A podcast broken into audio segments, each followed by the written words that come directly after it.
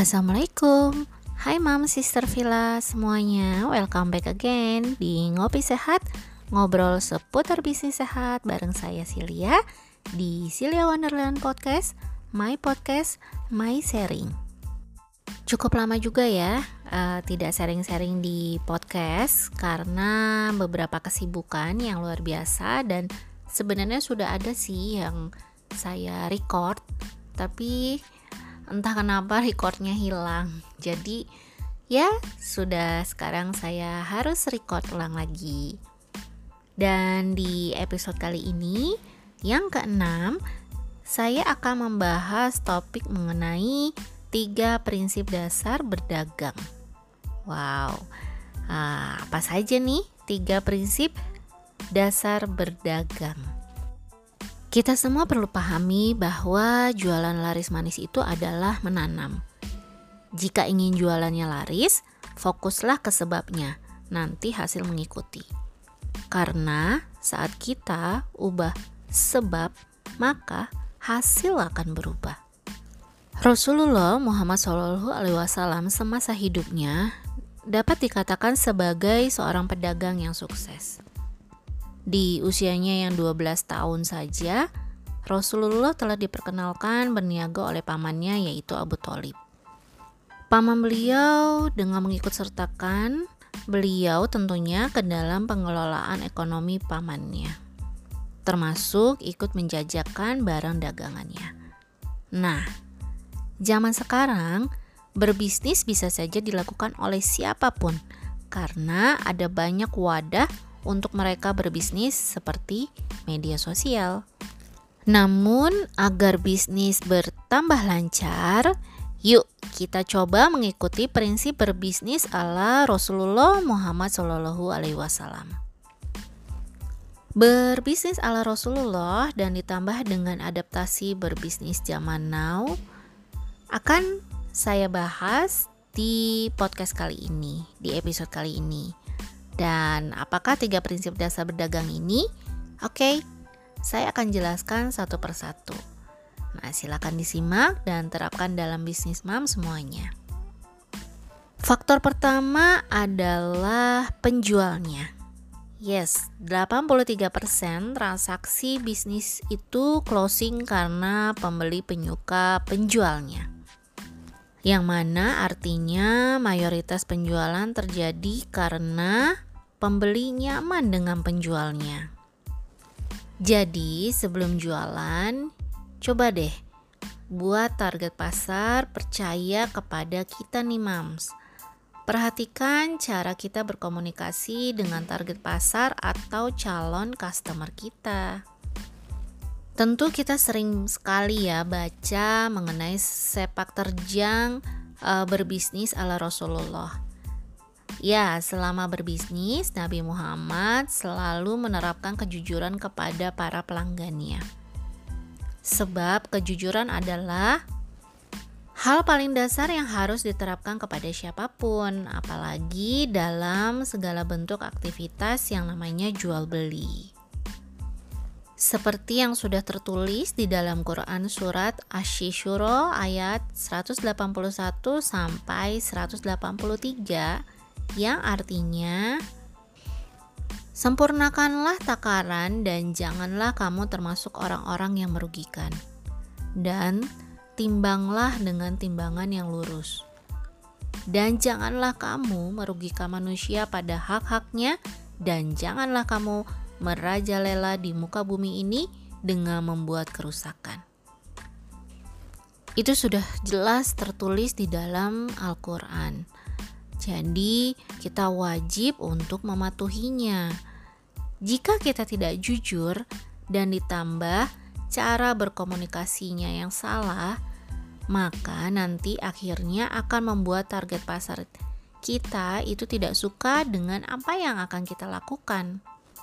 Mau sebagus apa pun produknya, mau sebagus apa pun brandingnya, yang kita jual, yang kita tawarkan, tidak akan mampu menarik uang keluar dari dompet para calon-calon customer kita.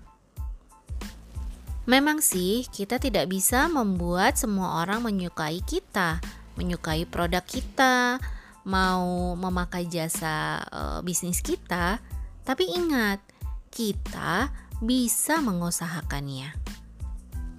Kepercayaan publik juga akan membantu bisnis kita nih, Mams. Berikan testimoni yang benar dan tidak mengada-ngada. Intinya adalah berusahalah jadi penjual yang dipercaya. Bagi sebagian orang, uang adalah suatu hal yang berharga, dan sudah pasti siapa pun tidak mau memberikan hal berharganya ke sembarang orang. Mereka hanya mau memberikan hal berharganya ke orang yang dipercaya. Nah, karena itu, agar target pasar mau memberikan uangnya, maka jadilah penjual yang bisa dipercaya. Istilahnya no trust, no sales, no income.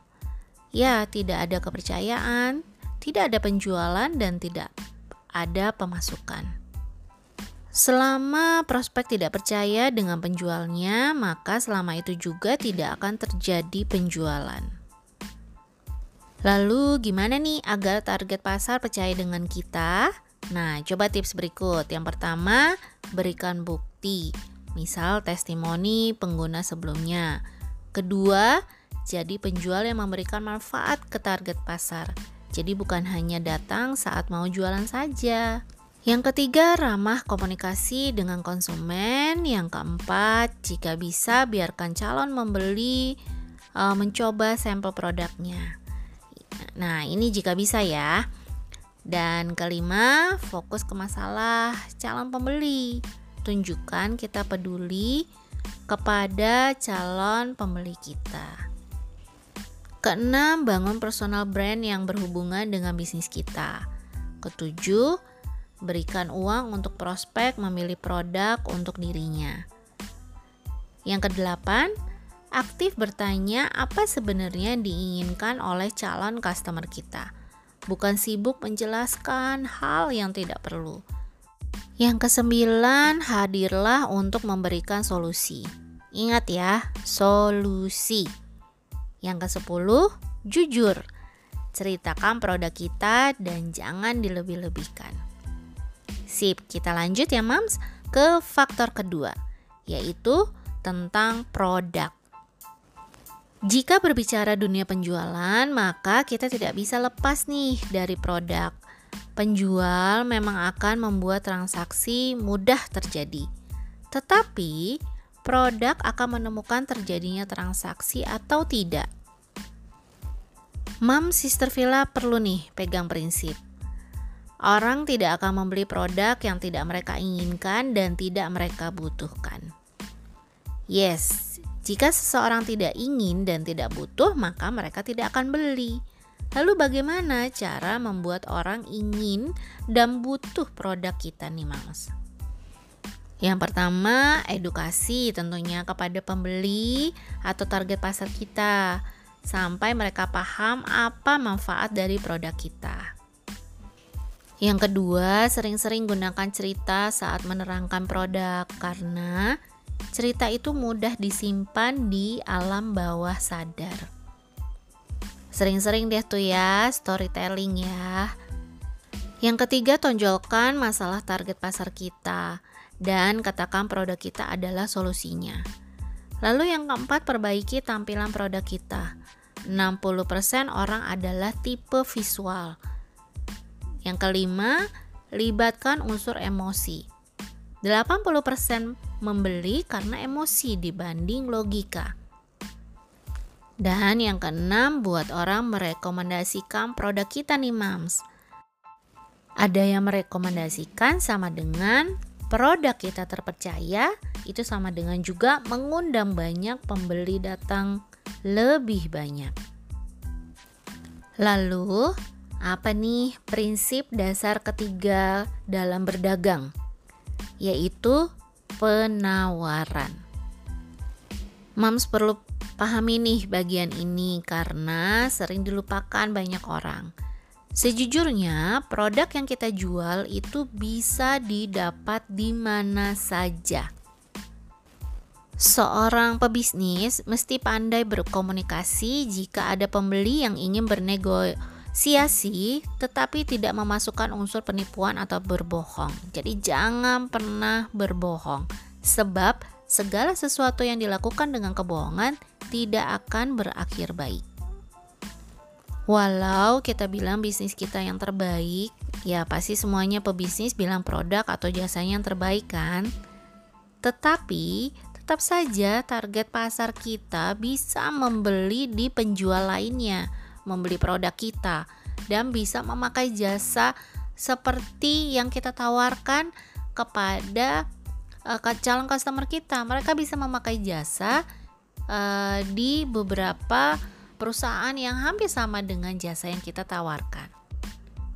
Jadi mereka bisa mendapatkan manfaat produk kita di produk yang bentuknya berbeda. Karena itu kita perlu sekali uh, menguasai yang namanya penawaran. Kita pandai uh, membuat sebuah penawaran. Jadi eh, kurang lebih apa sih yang membuat produk kita lebih spesial dari produk serupa? Kenapa harus membeli kepada kita nih mams? Kenapa target pasar harus mengeluarkan uang dalam jumlah tertentu untuk mendapatkan produk kita? Nah, mulai deh dipikirkan mams, apa itu? Jika penawaran yang kita lakukan tidak menarik, maka otomatis dan sudah pasti prospek tidak akan melirik. Jadi bagaimana nih cara kita bisa menciptakan, mengkreat sebuah penawaran yang menarik? Yang pertama, milikilah diferensiasi alias pembeda. Jadi produk Mams punya perbedaan menonjol dibanding produk serupa. Lalu yang kedua, tawarkan ke target pasar yang benar-benar tertarget. Maksudnya tawarkan ke orang-orang yang benar-benar spesifik jangan sampai salah target ya. Lalu yang ketiga, buat jadi menarik. Yaitu seperti ada diskon, garansi, free ongkir, ya isinya lebih banyak atau apa saja. Silakan Mams pikirkan apa itu. Lalu yang keempat, pastikan harga di bawah manfaat yang akan dirasakan konsumen. Jadi istilah kerennya adalah value over price. Yang kelima, bangun brand produk. Lalu keenam, berikan kemudahan transaksi. Dan yang ketujuh, berikan batasan penawaran. Jadi, uh, batasi misalnya penawaran diskon ini hanya sampai tanggal sekian seperti itu. Bisa juga uh, promo ini hanya uh, untuk 60 PC saja misalnya seperti itu. Jadi ada batasnya ya. Intinya setelah target pasar sudah tepat agar jualan jadi semakin mudah maka perhatikan ya ini tadi tiga prinsip dasar berdagang yaitu penjualnya, produknya, penawarannya. Ya disingkatnya 3P ya setelah Mam Sister Villa sudah mendengarkan uh, podcast di episode yang ini, maka perlu dilakukan yang namanya praktek. Dan jika Mam sudah melakukan apa yang tadi sudah saya share, alhamdulillah.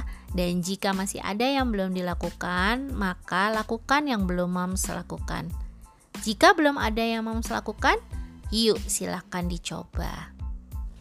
Semoga podcast kali ini semoga bermanfaat dan seperti biasa jika ada pertanyaan, Mam Sister Villa bisa inbox ke Instagram saya di Silia Wonderland. Oke, jasa kumulo hoiron kasiron sudah mendengarkan Ngopi Sehat bareng saya, Silia. Have a good day. Wassalamualaikum.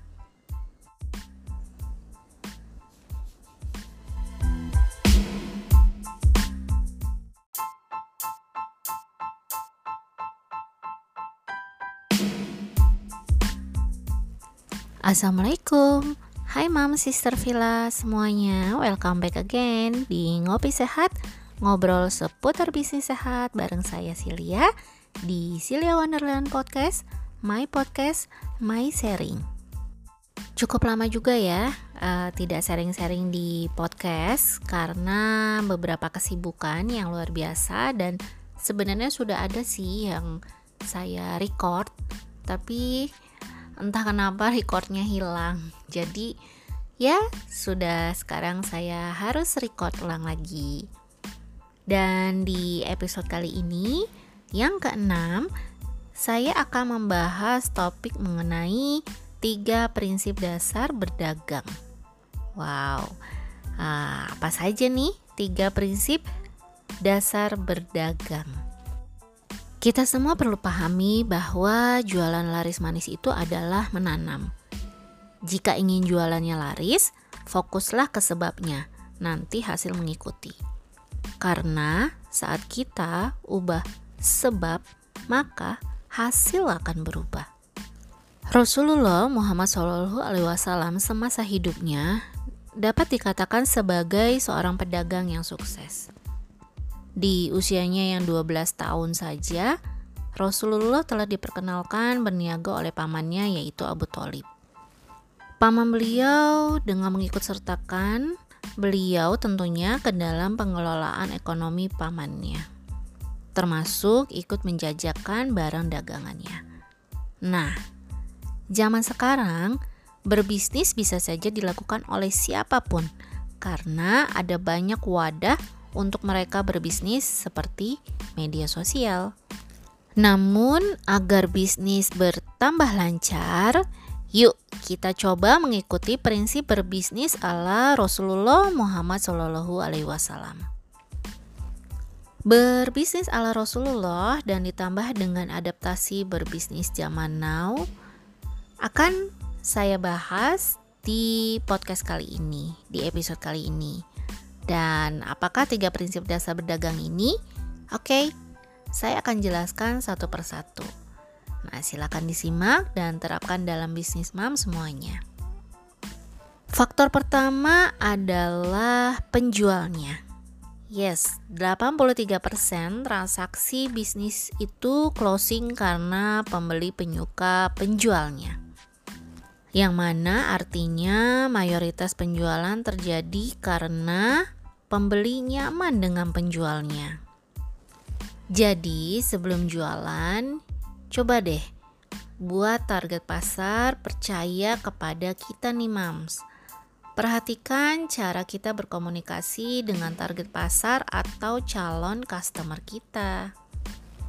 Tentu kita sering sekali ya baca mengenai sepak terjang e, berbisnis ala Rasulullah. Ya, selama berbisnis, Nabi Muhammad selalu menerapkan kejujuran kepada para pelanggannya. Sebab kejujuran adalah hal paling dasar yang harus diterapkan kepada siapa pun, apalagi dalam segala bentuk aktivitas yang namanya jual beli. Seperti yang sudah tertulis di dalam Quran surat Asy-Syura ayat 181 sampai 183 yang artinya Sempurnakanlah takaran dan janganlah kamu termasuk orang-orang yang merugikan. Dan timbanglah dengan timbangan yang lurus. Dan janganlah kamu merugikan manusia pada hak-haknya dan janganlah kamu merajalela di muka bumi ini dengan membuat kerusakan. Itu sudah jelas tertulis di dalam Al-Quran. Jadi, kita wajib untuk mematuhinya. Jika kita tidak jujur dan ditambah cara berkomunikasinya yang salah, maka nanti akhirnya akan membuat target pasar kita itu tidak suka dengan apa yang akan kita lakukan mau sebagus apa pun produknya, mau sebagus apa pun brandingnya, yang kita jual, yang kita tawarkan, tidak akan mampu menarik uang keluar dari dompet para calon-calon customer kita. Memang sih, kita tidak bisa membuat semua orang menyukai kita, menyukai produk kita, mau memakai jasa e, bisnis kita, tapi ingat, kita bisa mengusahakannya. Kepercayaan publik juga akan membantu bisnis kita nih, Mams. Berikan testimoni yang benar dan tidak mengada-ngada. Intinya adalah berusahalah jadi penjual yang dipercaya. Bagi sebagian orang, uang adalah suatu hal yang berharga, dan sudah pasti siapa pun tidak mau memberikan hal berharganya ke sembarang orang. Mereka hanya mau memberikan hal berharganya ke orang yang dipercaya. Nah, karena itu, agar target pasar mau memberikan uangnya, maka jadilah penjual yang bisa dipercaya. Istilahnya no trust, no sales, no income. Ya, tidak ada kepercayaan, tidak ada penjualan dan tidak ada pemasukan. Selama prospek tidak percaya dengan penjualnya, maka selama itu juga tidak akan terjadi penjualan. Lalu gimana nih agar target pasar percaya dengan kita? Nah, coba tips berikut. Yang pertama, berikan bukti. Misal testimoni pengguna sebelumnya. Kedua, jadi penjual yang memberikan manfaat ke target pasar. Jadi bukan hanya datang saat mau jualan saja. Yang ketiga, ramah komunikasi dengan konsumen. Yang keempat, jika bisa biarkan calon membeli uh, mencoba sampel produknya. Nah, ini jika bisa ya. Dan kelima, fokus ke masalah calon pembeli. Tunjukkan kita peduli kepada calon pembeli kita. Keenam, bangun personal brand yang berhubungan dengan bisnis kita. Ketujuh, berikan uang untuk prospek memilih produk untuk dirinya. Yang kedelapan, aktif bertanya apa sebenarnya diinginkan oleh calon customer kita, bukan sibuk menjelaskan hal yang tidak perlu. Yang kesembilan, hadirlah untuk memberikan solusi. Ingat ya, solusi. Yang kesepuluh, jujur. Ceritakan produk kita dan jangan dilebih-lebihkan. Sip, kita lanjut ya mams ke faktor kedua, yaitu tentang produk. Jika berbicara dunia penjualan, maka kita tidak bisa lepas nih dari produk. Penjual memang akan membuat transaksi mudah terjadi. Tetapi, produk akan menemukan terjadinya transaksi atau tidak. Mam Sister Villa perlu nih pegang prinsip. Orang tidak akan membeli produk yang tidak mereka inginkan dan tidak mereka butuhkan. Yes, jika seseorang tidak ingin dan tidak butuh, maka mereka tidak akan beli. Lalu bagaimana cara membuat orang ingin dan butuh produk kita nih Mas? Yang pertama, edukasi tentunya kepada pembeli atau target pasar kita sampai mereka paham apa manfaat dari produk kita. Yang kedua, sering-sering gunakan cerita saat menerangkan produk karena cerita itu mudah disimpan di alam bawah sadar. Sering-sering deh tuh ya storytelling ya. Yang ketiga, tonjolkan masalah target pasar kita dan katakan produk kita adalah solusinya. Lalu yang keempat, perbaiki tampilan produk kita. 60% orang adalah tipe visual. Yang kelima, libatkan unsur emosi. 80% membeli karena emosi dibanding logika. Dan yang keenam, buat orang merekomendasikan produk kita nih mams. Ada yang merekomendasikan sama dengan produk kita terpercaya, itu sama dengan juga mengundang banyak pembeli datang lebih banyak. Lalu, apa nih prinsip dasar ketiga dalam berdagang? yaitu penawaran. Moms perlu pahami nih bagian ini karena sering dilupakan banyak orang. Sejujurnya, produk yang kita jual itu bisa didapat di mana saja. Seorang pebisnis mesti pandai berkomunikasi jika ada pembeli yang ingin bernegosiasi Siasi tetapi tidak memasukkan unsur penipuan atau berbohong. Jadi jangan pernah berbohong sebab segala sesuatu yang dilakukan dengan kebohongan tidak akan berakhir baik. Walau kita bilang bisnis kita yang terbaik, ya pasti semuanya pebisnis bilang produk atau jasanya yang terbaik kan? Tetapi tetap saja target pasar kita bisa membeli di penjual lainnya, membeli produk kita dan bisa memakai jasa seperti yang kita tawarkan kepada uh, calon customer kita. Mereka bisa memakai jasa uh, di beberapa perusahaan yang hampir sama dengan jasa yang kita tawarkan. Jadi mereka bisa mendapatkan manfaat produk kita di produk yang bentuknya berbeda. Karena itu kita perlu sekali uh, menguasai yang namanya penawaran. Kita pandai uh, membuat sebuah penawaran. Jadi kurang lebih apa sih yang membuat produk kita lebih spesial dari produk serupa? Kenapa harus membeli kepada kita nih mams? Kenapa target pasar harus mengeluarkan uang dalam jumlah tertentu untuk mendapatkan produk kita? Nah, mulai deh dipikirkan mams, apa itu? Jika penawaran yang kita lakukan tidak menarik, maka otomatis dan sudah pasti prospek tidak akan melirik. Jadi bagaimana nih cara kita bisa menciptakan, mengkreat sebuah penawaran yang menarik? Yang pertama, milikilah diferensiasi alias pembeda. Jadi produk MAMS punya perbedaan menonjol dibanding produk serupa.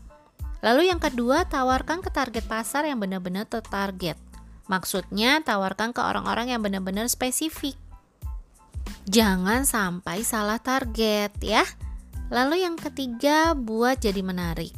Yaitu seperti ada diskon, garansi, free ongkir, ya isinya lebih banyak atau apa saja. Silakan moms pikirkan apa itu.